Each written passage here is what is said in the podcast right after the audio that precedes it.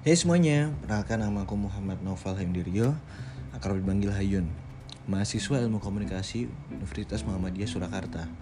Pada podcast kali ini, aku mau menjelaskan tentang manajemen media televisi yang aku review dari buku manajemen media biasa yang ditulis oleh Fajar Junaidi atau dosen saya sendiri dengan panggilan kerap Mas Jun.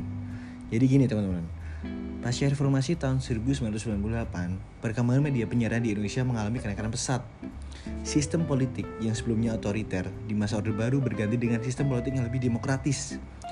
UU No 32 tahun 2002 tentang penyiaran menjadi awal perubahan penyiaran di Indonesia. Stasiun televisi Indonesia yang semulanya hanya TVRI pada tahun 1989 disusul dengan munculnya stasiun televisi swasta pertama yaitu RCTI. Setelah itu, keberhasilan RCTI diikuti oleh CTV, ANTV, Indosiar, TPI, dan berbagai stasiun televisi lain. UU Penyiaran menciptakan format baru terhadap perkembangan televisi di Indonesia yang sebelumnya dibedakan menjadi televisi pemerintah dan swasta.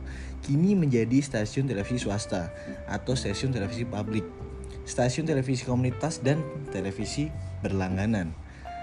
Keberhasilan dan kegagalan dalam bisnis penyiaran sangat tergantung pada manajemen dalam media penyiaran. Kualitas dari penyiaran tidak hanya ditentukan oleh rating program televisi yang tinggi, tetapi juga manajemen yang baik antar berbagai bagian. Selanjutnya, aku akan membahas tentang sejarah dan perkembangan televisi. Teman-teman tahu nggak sih, kalau awal mula perkembangan televisi pada tahun 1923 dipatenkan oleh Vladimir D. Westinghouse. Empat tahun kemudian, Pilo mengembangkan sistem dan mematenkan tabung di sektor. Perkembangan teknologi televisi memang banyak berakar di Amerika Serikat. Namun di negara lain, terutama Eropa Barat, teknologi pertelevisian juga ikut dikembangkan. Pemerintah Jerman mengawali menyiarkan layanan siaran televisi non-eksperimental pada tahun 1935. Di Inggris, siaran British Broadcasting Corporation atau BBC diawali beberapa tahun kemudian.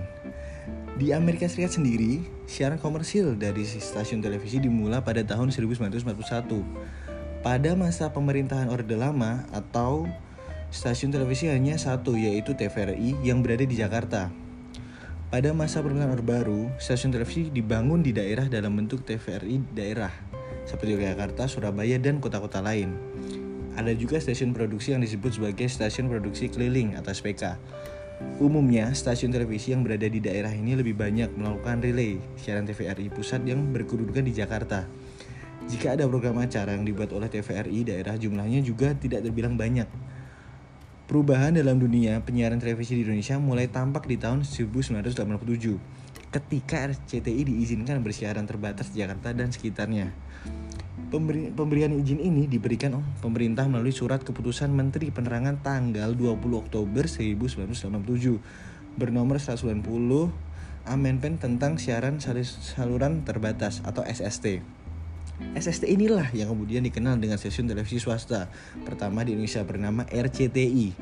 Sesuai izinnya, siaran RCTI terbatas dengan hanya bisa dinikmati melalui televisi yang dilengkapi decoder.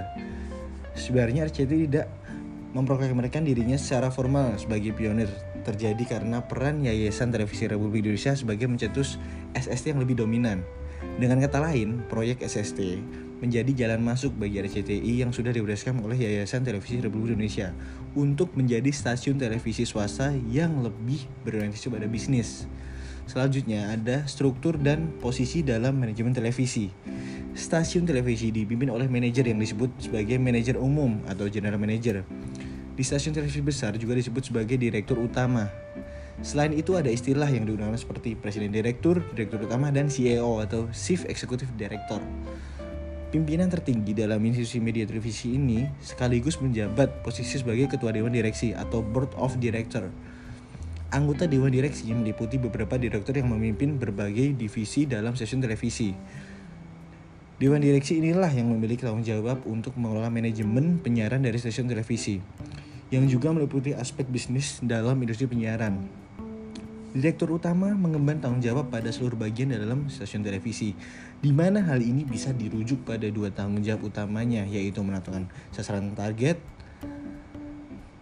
Tugas dari pimpinan tertinggi dalam manajemen stasiun televisi meliputi beberapa tugas. Pertama, Manajemen harus mengkoordinasikan berbagai program acara yang ada di stasiun televisi tersebut. Ini termasuk kemampuan manajemen untuk memonitor program acara.